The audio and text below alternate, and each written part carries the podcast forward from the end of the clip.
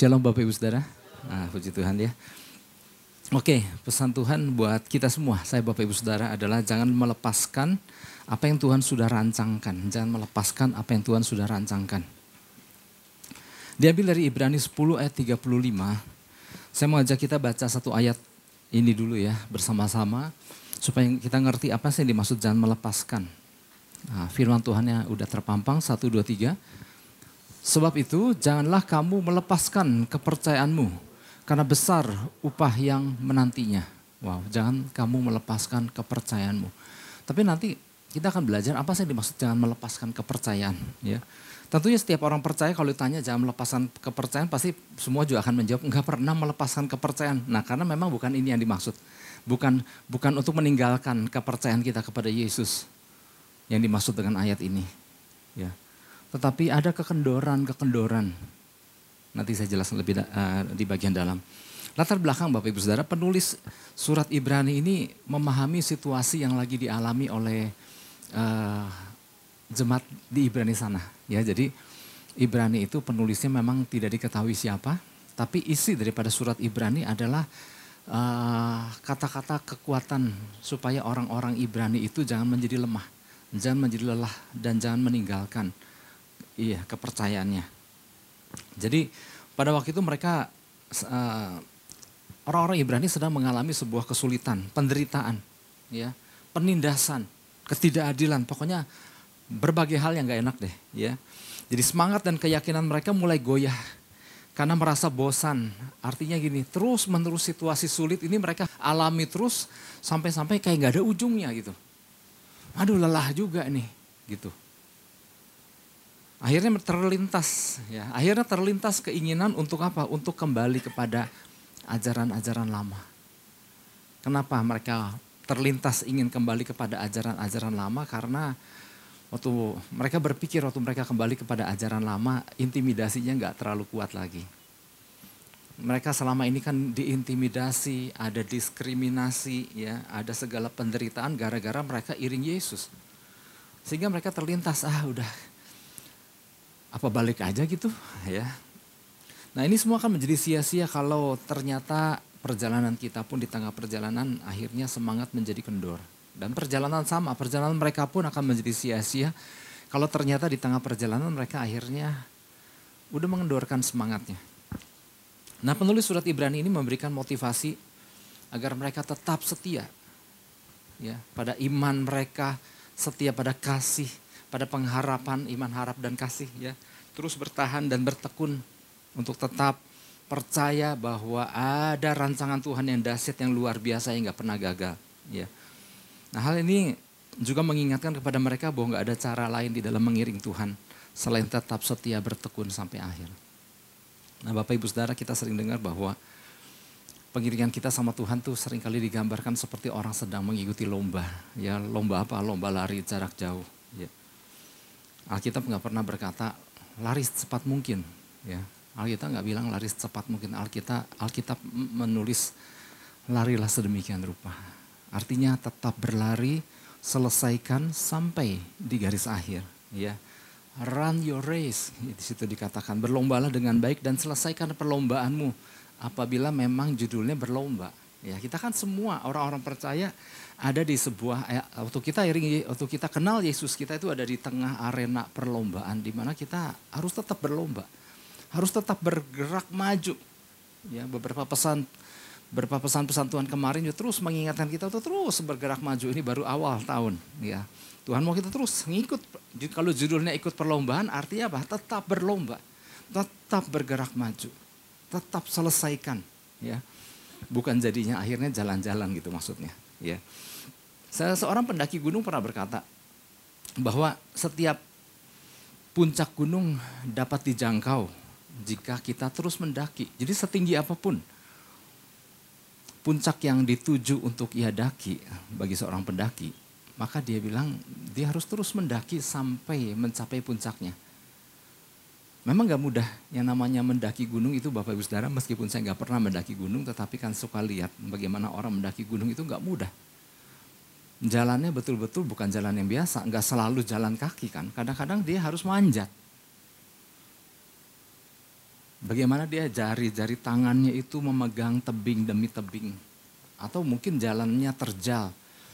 Ya, beberapa puncak gunung tertentu yang harus didaki terus melewati berbagai kondisi cuaca yang buruk. Ya, kadang hujan, kadang salju kalau itu ada di ketinggian tertentu. Sangat gak mudah. Tapi kalau ingin mencapai puncak dan melihat pemandangan begitu indahnya di puncak sana, maka mau gak mau harus terus mendaki. Mau mau gak mau harus terus me, menguatkan tekadnya, membulatkan tekadnya untuk sampai. Karena memang kalau dengar cerita-cerita pendaki itu nggak mudah. Mendaki sekian lama dengan suhu udara sekelilingnya semakin dingin. Dan ternyata ya baru nyampe pos 1, belum pos 2, pos 3 dan selanjutnya. Belum nanti udah sampai ketinggian tertentu oksigennya udah semakin berkurang. Dan ini sangat nggak mudah, perlu perjuangan ya. Jadi buat seorang pendaki nggak ada cara instan untuk mencapai puncak gunung semua dibutuhkan apa? Semua membutuhkan perjuangan, pengorbanan yang gak sedikit, cuaca ekstrim, kabut tebal, dan berbagai hal. Ya. Nah rasa bangga dan rasa puas itu baru mereka alami jika semua rintangan di dalam perjalanan pendakian itu bisa dilalui. Dan mereka ada di atas dan mereka melihat, wow betapa luar biasa. Sebuah pemandangan, sebuah pencapaian. Rasanya Gak ada sesuatu yang bisa menggambarkan kebanggaan yang luar biasa waktu mereka, waktu seseorang, waktu seorang pendaki ada di puncak gunung. Apalagi waktu dia mengibarkan bendera. Suatu kebanggaan yang luar biasa. Nah seperti itulah gambaran bagaimana ya, yang namanya seseorang harus menyelesaikan seluruh rangkaian perjalanan. Ya. Nah hal tersebut terjadi juga dalam perjalanan iman orang percaya. Waktu mereka orang percaya berjalan bersama Kristus Ya, ada kalanya tekad ya. Pengiringan orang percaya rasanya terlalu berat untuk ditanggung ketika tantangan mengalami tantangan dan rintangan. Ya memang gitu kan, kita udah sering dikasih tahu bahwa iring Yesus kan jalan gak selalu rata. Berkelok-kelok, turun naik, terjal, berbatu, ya, dan berbagai rintangan. Balu itu bentuk perjalanan, belum intimidasi, belum aniaya dan lain-lain. Tetapi intinya adalah kita Tuhan mau kita terus berjalan maju ya. Jangan lepaskan semangat ya. Karena ada kuasa Tuhan yang akan memampukan. Nah inilah kurang lebih Bapak Ibu Saudara. Inilah pesan Tuhan bagi kita bahwa apa pun yang Tuhan sudah percayakan kepada kita maksimalkan. Lakukan, selesaikan dengan baik. Yang setuju katakan amin. Ya. Setiap kita dipercayakan berbagai hal yang berbeda mungkin. Ya, tetapi apa pun kepercayaan yang Tuhan telah berikan dan uh, apa pun yang Tuhan percayakan gak selalu judul seorang pelayan di gereja. Tapi apa pun tugas tanggung jawab kita sebagai orang-orang percaya. Nah, pegang baik-baik, maksimalkan dan selesaikan. Ya. Nah, kalimat jangan melepaskan kepercayaanmu itu itu nggak diartikan dengan jangan pernah meninggalkan Tuhan karena orang percaya pasti nggak pasti akan berkata aku nggak pernah meninggalkan Tuhan. Nah makanya kata jangan kamu melepaskan kepercayaan itu bukan itu artinya, ya Nanti kata yang digunakan untuk kepercayaan yang digunakan adalah kata paresia. Paresia artinya semangat.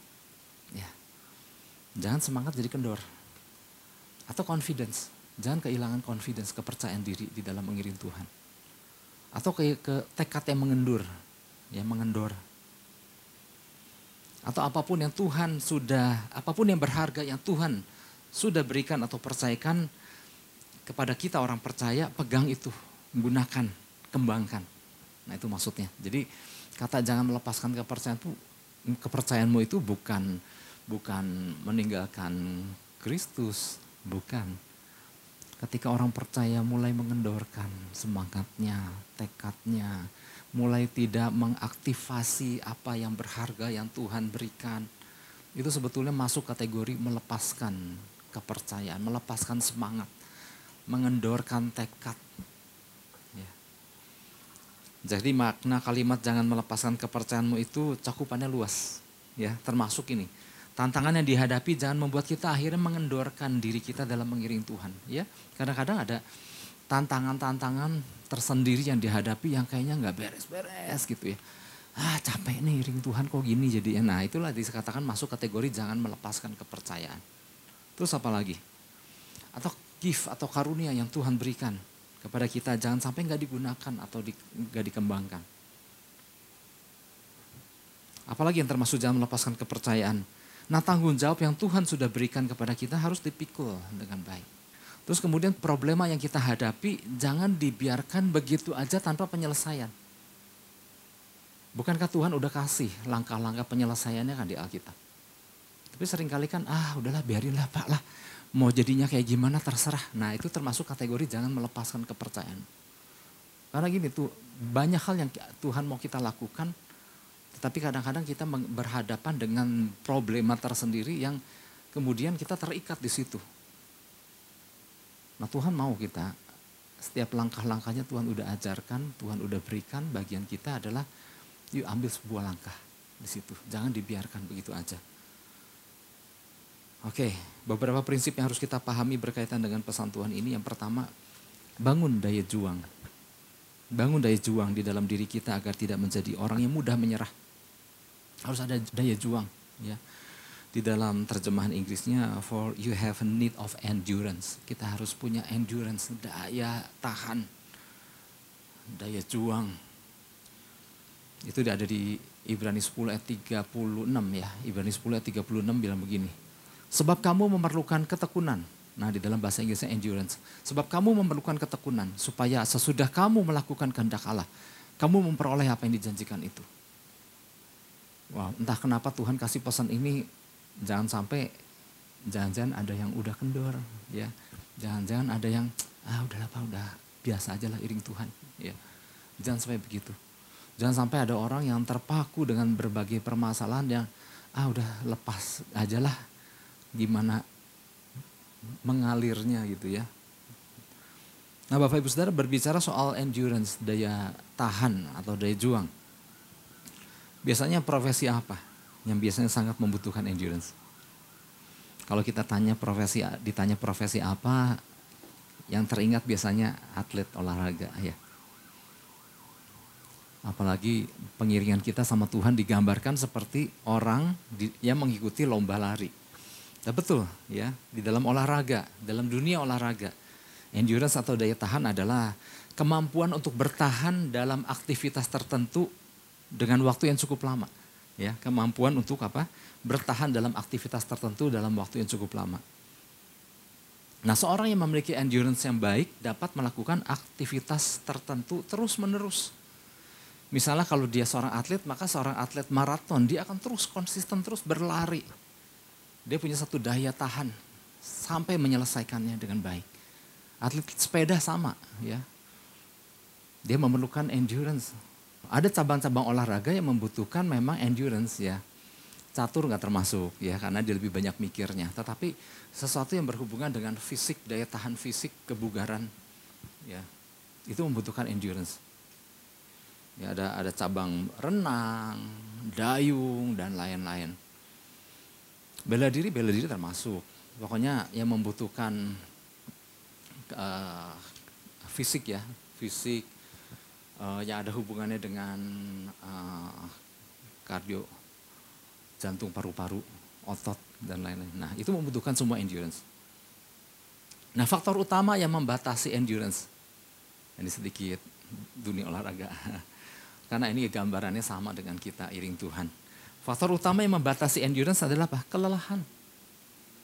Orang lelah, maka daya tahannya akan berkurang. Jadi saat kelelahan mencapai titik tertentu, tingkat kerja seorang atlet itu akan menurun. Makanya atlet itu memang harus dalam kondisi fit sekali. Karena kan misalnya sepak bola kan, dia harus menyelesaikan 2 kali 45 menit kan. Itu kan gak mudah, lari bolak balik, bolak balik. Dan dia harus selesaikan itu. Ketika seseorang ketika seorang atlet kendor, maka ya udah kualitas per, kualitas permainannya pun menurun ya. Karena daya tahannya menurun. Sehingga dibutuhkan apa? Latihan. Nah latihan itu membuat daya tahan seseorang itu meningkat. Makanya butuh latihan ya. Jadi latihan endurance atau daya tahan berguna agar seorang atlet mampu menahan kelelahan ya. Oleh karena itu seorang atlet dengan daya tahan yang kuat itu nggak akan cepat lelah makanya kita harus berlatih nah demikian pula gambarannya bapak ibu saudara kalau ditanya ya saya saya gunakan istilah profesi. Apalagi selain atlet, tentara, ya. Kita teringatnya atlet, kita teringatnya tentara, tapi jangan lupa orang percaya membutuhkan endurance. Oleh sebab itu, sebab penting Bapak Ibu Saudara, seorang anak Tuhan pun berlatih, ya. Orang percaya sangat membutuhkan endurance. Nah, jemaat Ibrani ini dikatakan hampir melepaskan kepercayaannya dalam arti semangatnya udah mulai mengendor. Keyakinannya mulai ragu. Aduh, kenapa jadi begini iring Yesus? Mereka hampir gak mereka hampir gak tahan menghadapi apa? Kesulitan, intimidasi, diskriminasi, penindasan dan lain-lain. Makanya ah, pas sekali kalau di Alkitab dikatakan iring Tuhan itu bagikan seorang atlet yang lari ya Nah, tetapi dibutuhkan adalah endurance, daya tahan untuk nggak cepat kendor. Ada istilah adalah mudah untuk memulai di garis start. Tapi ternyata nggak mudah untuk menyelesaikan pertandingan hingga sampai di garis finish. Ada yang menarik. Ini sedikit keluar dulu. Di dunia penerbangan Bapak Ibu Saudara, maskapai penerbangan ternyata mungkin kita lebih sering dengar maskapai-maskapai tertentu yang baik pelayanannya dan lain-lain. Tetapi ternyata ada di dunia penerbangan ini ada maskapai tertentu yang terkenal dengan pilot-pilot yang gigih. Pilot-pilot yang berani, yang apa maskapai penerbangan ini jarang telat ya, biasanya kan sekarang harus suka telat ya. Tepat waktu dan berani menerbangan di, berani menerbangkan pesawat di tengah kondisi cuaca yang gak mudah tapi maskapai ini berani menerbangkannya. Dan ketika melakukan pendaratan-pendaratan di bandara-bandara yang sulit, pilot-pilot dari maskapai penerbangan ini berani untuk melakukannya. Nah maskapai penerbangan ini adalah berasal dari maskapai penerbangan negara Rusia. Kenapa? Mereka adalah pilot-pilot yang handal dan begitu berani untuk melakukan itu karena gini ternyata Pilot-pilot penerbangan di maskapai penerbangan Rusia adalah mantan-mantan pilot pesawat tempur.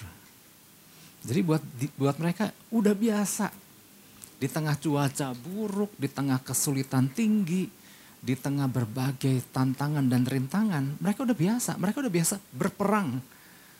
Ya. Nah, nanti lulusan-lulusan daripada peperangan Ukraina lawan Rusia ini nanti muncullah pilot setelah mereka memasuki masa pensiun, jadilah mereka pilot penerbangan umum. Nah makanya gak heran. Ketika maskapai penerbangan, penerbangan lain gak berani masuk wilayah tertentu untuk mendarat di wilayah tertentu. Buat mereka, oh kami berani katanya. Karena mereka terbiasa, udah terlatih. Nah itulah sebabnya Bapak Ibu Saudara, kita anak-anak Tuhan juga harus uh, jadi orang-orang yang cakap. Orang yang terlatih di berbagai medan, di berbagai tingkat kesulitan, di berbagai tantangan dan rintangan. Nah oleh sebab itu untuk supaya endurance-nya terpelihara dengan baik, dapat menyelesaikan seluruh rangkaian perlombaan, maka yang dibutuhkan adalah latihan, berlatih. Ya. Saya kalau mendengar kesaksian atlet-atlet yang berprestasi, wah yang mereka lakukan adalah sehari sekian jam berlatih, berlatih jadi yang kita lihat kan mereka cuma naik panggung kan dapat medali, kalungan medali. Tetapi kita nggak lihat bagaimana mereka menghabiskan waktu-waktu mereka untuk berlatih. Nah faktor utama yang membatasi endurance tadi adalah kelelahan. Itulah sebabnya perlu dilatih. Apa yang membuat membuat seorang percaya mengalami kelelahan? Oh ternyata ada beberapa ya, mungkin mungkin banyak, tapi ada beberapa di antaranya. Yang pertama, tidak pernah berlatih. Seorang atlet yang mau meningkatkan endurance adalah dengan cara apa? Berlatih. Ya, karena gini, itu otot jantungnya itu, otot paru-parunya. Jadi otot-otot otot paru-paru itu berfungsi untuk apa? Otot paru-paru yang baik akan membuat dia bisa menghirup oksigen dengan baik. Nah otot jantung memberikan kemampuan si jantung untuk memompa darah ke seluruh bagian, ke otot-otot juga dialirkan darah-darah yang yang baik, darah-darah yang bugar. Nah itu makanya dibutuhkan kan otot-otot jantung, otot-otot paru-paru. Dan demikian juga orang percaya, orang percaya juga harus berlatih. Makanya kalau kita pernah dengar Rasul Paulus kalau nyuruh di dalam suratnya kepada Timotius nyuruh Timotius untuk tetap beribadah. Ya kita pernah mendengar, kita sering dengar ini. Latihlah dirimu beribadah. Jadi ibadah itu untuk berlatih. Tapi bukan berlatih yang namanya, tapi berarti saya tiap hari berlatih. Nah berlat, nggak salah dengan datang beribadah, tetapi yang namanya berlatih adalah waktu kita dengar apa yang firman Tuhan katakan. Kita tangkap dan mulai kita hidupi. Kalau cuma asal datang nggak pernah menghidupi apa yang kita dengar itu bukan berlatih. Tapi namanya berlatih adalah kita tangkap. Dan kita hidupi itu dalam kehidupan kita. Makanya kan ada pelajaran dasar kan 4M itu kan.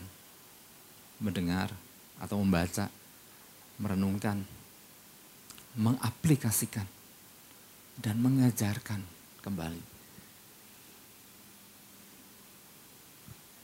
buat para pemimpin-pemimpin, aduh pemimpin lagi ya. Buat para pemimpin memang ini yang harus kita latih. Kenapa? Kita harus mengajarkannya kembali. Oh tapi kan gak bisa. Nah itulah dibutuhkan latihan.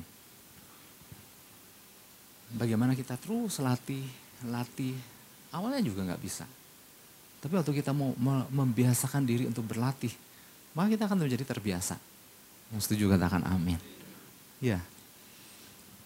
Tapi kan lebih mudah untuk berkata, enggak apa, enggak bisa susah. Ngumpul ini aja susah gitu. Enggak, kalau kita mulai melakukan itu, nanti kita akan terbiasa untuk melakukannya. Oleh sebab itu harus dilatih. Waktu kita baca firman apa nih yang Tuhan taruhkan ya itu kan awalnya kan gitu apa sih yang Tuhan taruhkan dan kemudian mulai kita renungkan mulai belajar berani membagikannya Nah waktu kita berlatih di situ hari lepas hari, kita sebenarnya sedang lagi meningkatkan endurance kita. Kemudian yang kedua adalah gini, kenapa yang membuat seorang percaya kelelahan tadi nggak pernah berlatih? Yang kedua nggak pernah menanti-nantikan Tuhan di hadiratnya. Sesuatu aktivitas yang mungkin buat sebagian orang sangat gak favorit sekali menanti-nantikan Tuhan di hadiratnya. Ya, Yesaya berapa itu? 40 ayat 31. Ya. Orang yang menanti-nantikan Tuhan mendapat kekuatan baru. Seperti Raja Wali yang terbang tinggi dengan kekuatan sayapnya. Mereka berlari dan tidak menjadi lesu, mereka berjalan dan tidak menjadi lelah. Nah menyiapkan waktu kita untuk menanti-nantikan Tuhan. Kita pernah mendengar, kita pernah dapat pesan ini. Waktu kita menanti-nantikan, fokusnya adalah Tuhan. Fokusnya adalah Yesus. Apa yang mau dia sampaikan, apa yang dia bukakan buat kita. Betapa dahsyatnya dia, betapa rancangannya luar biasa. Nah ternyata bukan sebuah pekerjaan yang buang waktu, enggak. Kita lagi menambah-nambahkan kekuatan kepada diri kita. Waktu kita menanti-nantikan Tuhan di hadiratnya. Ini yang membuat luar biasa kan. Waktu Tuhan nyampaikan sesuatu itu ledakan yang luar biasa seperti menambah bahan bakar lebih daripada cuma lebih dari sekedar makan dan minum, ada kekuatan yang baru. Maka saya katakan dengan istilah ada ledakan yang luar biasa. Wow. Apa yang membuat orang percaya kelelahan tadi nggak pernah berlatih, dua tidak pernah menanti-nantikan Tuhan di hadiratnya. Yang ketiga, nggak pernah menyeles, nggak pernah belajar untuk menyelesaikan problema yang dihadapi. Salah satu kelemahan orang percaya sering yang sering menjadi lemah adalah karena memikul masalah terlalu lama, ya kan? Orang yang memikul masalah terlalu lama lelah loh. Ya. Masalahnya karena apa? Karena masalah dipikul terus tapi nggak pernah diselesaikan. Yang lelah akhirnya adalah hatinya. Maka ada istilah bahasa Sundanya apa? Sampai hati. Itu yang bikin lelah. Fisik kita masih bisa tahan, tapi kalau hati yang lelah itu lebih daripada kelelahan fisik capek ya kesal capek ya padahal yang dibutuhkan adalah apa yang firman Tuhan katakan mengenai masalah yang kita hadapi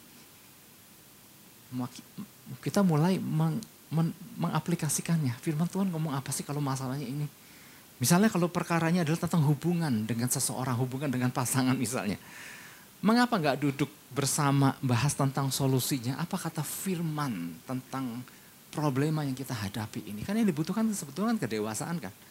Daripada terus berlarut-larut, berlarut-larut, nggak pernah selesai, artinya akhirnya kesal terus bawaannya. Dan kalau kesal, itu menurunkan endurance. Masih mending lari di lapangan, di stadion, berputar-putar sekian putaran, dibandingkan hati yang kesal itu jauh lebih capek. Jauh lebih capek. Ya. Saya pernah saya pernah jelaskan tentang ayat kan setiap kita kan rindu kan doa orang doa orang benar Yakobus berapa? Yakobus 5 ayat 16. Doa orang benar bila dengan sungguh-sungguh dilakukan ya, maka besar kuasanya. Kita kan rindu. Jadi orang percaya yang doanya dahsyat. Doa orang benar bila dengan yakin, dengan yakin, dengan yakin didoakan sangat besar kuasanya. Siapa yang rindu mengalami doa yang dahsyat seperti ini? Oh semua, semua. Tapi jangan lupa kalimat yang pertama. Karena itu hendaklah kamu saling mengaku dosamu dan saling mendoakan supaya kamu sembuh. Perlu duduk bersama, selesaikan masalahmu. Saling mendoakan, saling mengaku dosa. Maka yang lahir adalah doa yang dahsyat.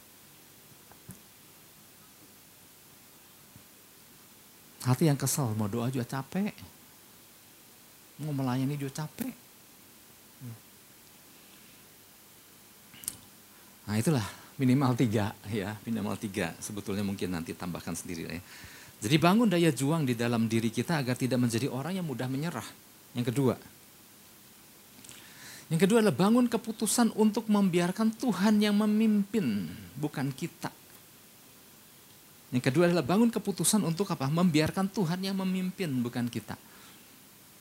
Kita buka ayatnya. Uh, ayat 39. Ibrani 10 ayat 39.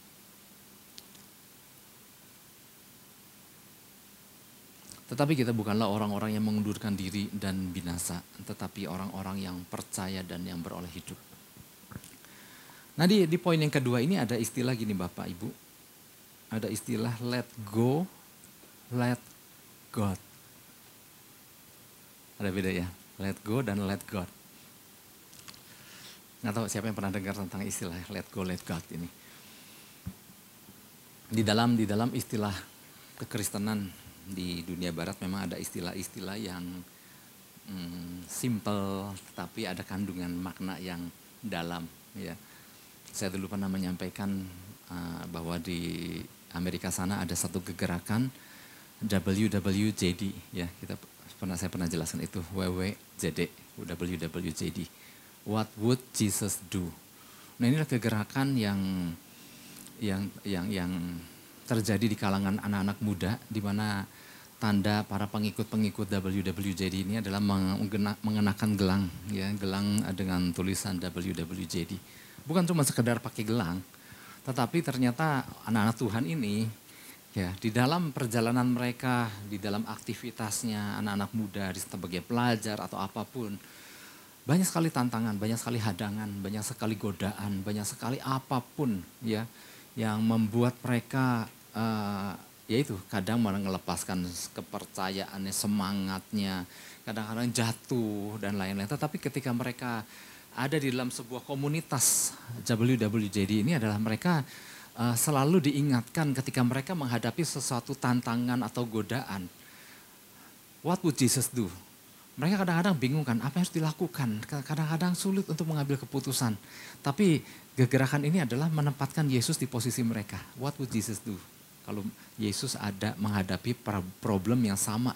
Ketika Yesus ditempatkan di posisi mereka dan kemudian Yesus menghadapi uh, tantangan godaan yang mereka hadapi. Nah waktu mereka menempatkan Yesus di posisi mereka, buat mereka sangat mudah untuk menjawab, oh pasti Yesus gak akan lakukan itu. Nah itu memang buat mereka sama, aku pun akan melakukan apa yang Yesus lakukan, aku gak mau. Ya jadi ternyata keputusan-keputusan yang sulit untuk kita lakukan, untuk kita buat sebagai anak-anak muda ya. Gerakan ini anak-anak muda termasuk anak-anak yang lebih tua juga. Maksudnya waktu kita diperhadapkan dengan berbagai problema, godaan, tantangan dan lain kadang-kadang kan sulit untuk mengambil keputusan. Aduh gimana nggak enak hati ya aduh, aduh gimana ya, tahu sih nggak boleh tapi gimana gitu, nanti jadi begini, jadi begitu. Nah kemudian kalau sulit, taruh Yesus di posisi kita. Kira-kira Yesus apa yang Yesus lakukan? Dan Yesus maka dengan tegas akan berkata, tidak untuk hal-hal yang seperti itu. Dan itu membuat kita mengambil keputusan sama dengan yang diambil Yesus keputusannya. Nah itu saya cuma mencoba menjelaskan apa yang dikatakan WWJD. Nah sekarang saya mau jelaskan let go, let God. Let go itu lepaskan, let God itu adalah biarkan Tuhan yang beracara. Nah ternyata istilah let go, let God ini juga adalah sesuatu yang istilah yang dikenal ya di dalam kekristenan. Kita juga mau belajar sesuatu apa sih dimaksud dengan let go, let God ya. Jadi istilah di mana setiap itu orang percaya memiliki kehendak. Kita kan sebagai orang percaya juga punya kehendak kan. Alkitab juga bilang kan, kita sebagai orang percaya kita punya kehendak. Tapi Alkitab juga tulis bahwa Tuhan juga punya kehendak. Di mana kehendak Tuhan sama kehendak kita beda. Kita punya keinginan, Tuhan juga punya keinginan. Ya. Dan yang pasti keinginannya Tuhan, kehendaknya Tuhan adalah yang terbaik. Nah kadang disadari atau tanpa disadari, kita sebagai orang percaya ini suka memaksakan bahwa kehendak kita lah yang harus jadi. Bisa nggak kita paksakan? Ya bisa, bisa, bisa aja. Kalau udah menginginkan sesuatu dan pengen sekali dan kita bisa paksakan dan kita bisa lakukan menurut kehendak kita. Ya. Dan hasilnya tentunya nggak seperti yang diharapkan atau yang hasilnya nggak seperti yang Tuhan kehendaki. Nah melalui istilah let go dan let God ini adalah kita belajar untuk berani melepaskan kehendak kita. Dan membiarkan let God yang beracara, biarkan Tuhan yang beracara. Jadi lepaskan yang yang gak seharusnya kita pegang, Nah mulai membiarkan Tuhan yang pegang kendali. Ya. Belajar melepaskan diri kita dari kehendak kita dan biarkan Tuhan yang pimpin. Seorang hamba Tuhan, Melisa Tumino yang gak kenal ya, saya juga kenal. Pada waktu dia usia 18, pada waktu dia masih di usia remaja ini, dia memang uh, hidup di lingkungan uh, orang tua yang adalah orang-orang percaya pelayan-pelayan Tuhan. Suatu kali dia punya kerinduan untuk dia, dia, dia mereka tinggal di Amerika, rindu untuk pergi ke Afrika Selatan. Dia pribadi rindu untuk pergi ke Afrika Selatan. Karena itu merupakan sebuah cita-cita buat dia yang, aduh suatu hari kelak aku ingin ke Afrika Selatan. Mungkin di sana ada apa ada banyak hal yang bisa aku lakukan. Dia mempelajari Afrika Selatan, dia ingin terjun ke sana, ya melayani orang-orang dan lain-lain. Tetapi orang tua melarang bahwa dengan berbagai alasan yang baik yang dijelaskan bahwa orang tua nggak setuju ya kalau dia harus pergi seorang diri ke sana ke Afrika Selatan. Dan apa yang dia lakukan dia memaksakan enggak aku pokoknya harus pergi ke Afrika Selatan. Aku harus pergi ke Afrika Selatan. Jadi dia pernah mengalami masa-masa kesal sekali dengan orang tuanya karena melarang untuk dia pergi ke Afrika Selatan dengan tujuan yang mulia, ya pelayanan. Tapi orang tuanya bersikeras dengan sebuah alasan tidak mengizinkan sampai suatu hari waktu dia doa sama Tuhan Tuhan sampaikan perkataannya hormatilah ayah dan ibumu artinya dia tahu bahwa wow Gak mudah buat dia untuk melepaskan untuk tidak mau pergi ke Afrika Selatan. Tetapi firman Tuhan ini membuat dia, dia ngerti maksudnya. Artinya ya dengar orang tuanya. ya Apakah mudah begitu aja? Gak mudah. Maka dia minta Tuhan, Tuhan mampukan dia. Lu ngerti apa yang maksud daripada pesanmu. Dan kemudian dia memilih untuk taat. Ya, keinginan yang menggebu-gebu itu, waktu dia melakukan ketaatan. Dan dicerita suatu hari kayak enteng sekali bahwa keinginan dirinya yang menggebu-gebu untuk pergi Afrika, Afrika Selatan itu begitu kayak seperti kayak hilang begitu aja. Waktu dia memutuskan untuk taat apa yang dengan perkataan Tuhan dan lebih memilih untuk menghormati orang tuanya. Ya dia nangkap bahwa apa yang dia terima itu adalah um, jawaban dari pergumulan dia. Kadang-kadang nggak mudah Bapak Ibu Saudara kalau seseorang udah kalau kita udah punya keinginan pengen begini, pengen begitu. Tapi jangan lupa, Tuhan juga punya keinginan. Apakah selaras gak dengan keinginan Tuhan? Nah adalah keberanian kita untuk mengambil keputusan atau penundukan kita untuk mengambil keputusan untuk melepaskan apa yang udah kita cita-citakan, melepaskan apa yang udah kita kehendaki begitu dan membiarkan memilih kehendak Tuhan yang terjadi. Di Alkitab pada kisah Daud, ya ada banyak kisah sih, tapi yang teringat adalah Daud ketika di Siklak. Ini kan betul-betul nggak mudah kan pulang dari pertempuran di luar, pulang ternyata anak-anaknya udah diculik, istrinya udah diculik, harta bendanya udah diculik, dan anak-anak para anak-anak buahnya Daud pun sama, anak-anaknya diculik, istrinya diculik, harta bendanya diculik, habis. Dan yang membuat Daud sedih adalah ketika orang-orang kepercayaan ini, anak-anak buahnya ini hendak melempari dia dengan batu. Kita udah apal banget kisah ini. Daud itu bisa aja kesal, bisa begitu marah, dia bisa menjadi kecewa dengan anak-anak buahnya kenapa aku yang disalahkan gitu. Kita akan sama-sama pergi, sama-sama pulang. Tapi kemudian kenapa kalian mau lempari aku dengan batu? Dan, dan Daud juga bisa begitu marah karena anaknya dan istrinya dan segala kepemilikannya dicuri, diambil orang. Dan dia bisa lari membabi buta, dikejar ke mana aja. Tapi apa yang Daud lakukan? Let go, let God. Dia lepaskan. Dia datang kepada Tuhan. Dia mengambil effort. Kemudian masuk hadirat Tuhan. Gak mudah loh. Bacanya lebih gampang. Tapi mempraktekannya gak mudah. Dan bagaimana Daud kemudian bertanya sama Tuhan. Tuhan, apa yang aku harus lakukan? Entahkah Tuhan langsung jawab ataukah perlu waktu untuk menunggu sampai Tuhan menjawab. Alkitab mencatat Tuhan berkata, kejarlah. Nah ini loh yang jadi beda. Daud memilih untuk melepaskan apa yang menjadi keinginannya dia untuk bertindak sebelumnya dan memilih untuk membiarkan Tuhan yang pimpin dia. Dan akhirnya kan hasil akhirnya kan menjadi beda, menjadi luar biasa.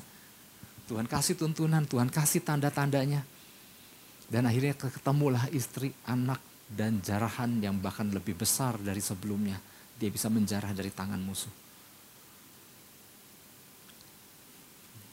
Hal yang sama, penulis Ibrani menulis suratnya kepada jemaat Ibrani.